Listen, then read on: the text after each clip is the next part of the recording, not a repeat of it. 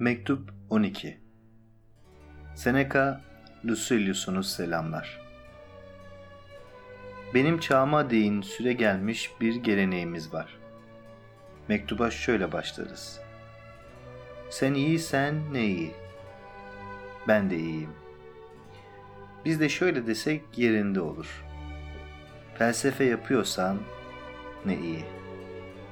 Çünkü sağlıklı olmak şu anlama gelir aslında. Felsefe olmadı mı hasta demektir ruh.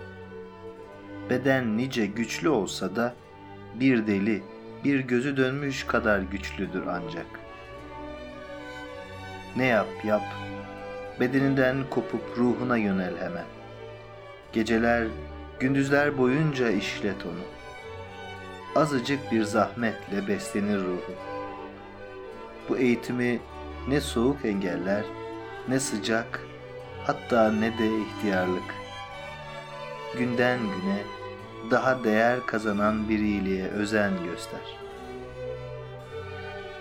Seni büyük bir yükten kurtardım. Bu iyiliklere bir de küçük bir sunu eklensin. Yunanca bir söz. İşte sana parlak bir özdeyiş. Bilgisizce yaşanan bir hayat, tatsız, tuzsuz, endişeli geçer. Her şeyi geleceğe atar. Sence kimin yaşamına bilgisiz denmiş? Bizim yaşamımız için söylenmiş Lucilius.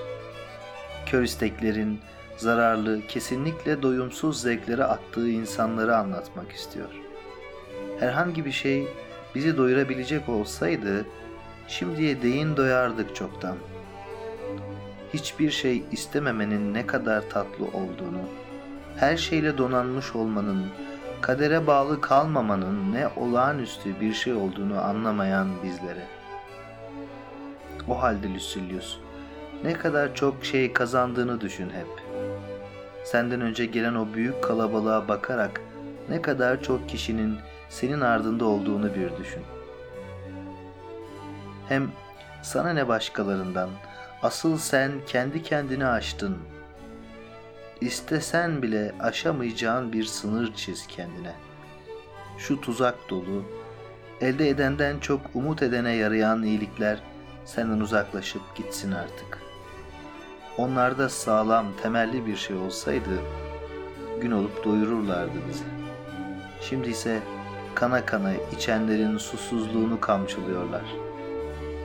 Görkemli gösterişler uzak olsun bizden.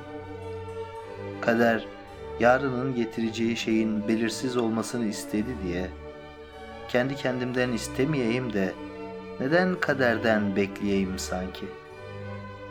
Hem zaten neden isteyecekmişim ki? İnsanın geçici yaratılışını unutup yığın yığın mal mülk edineceğim diye mi?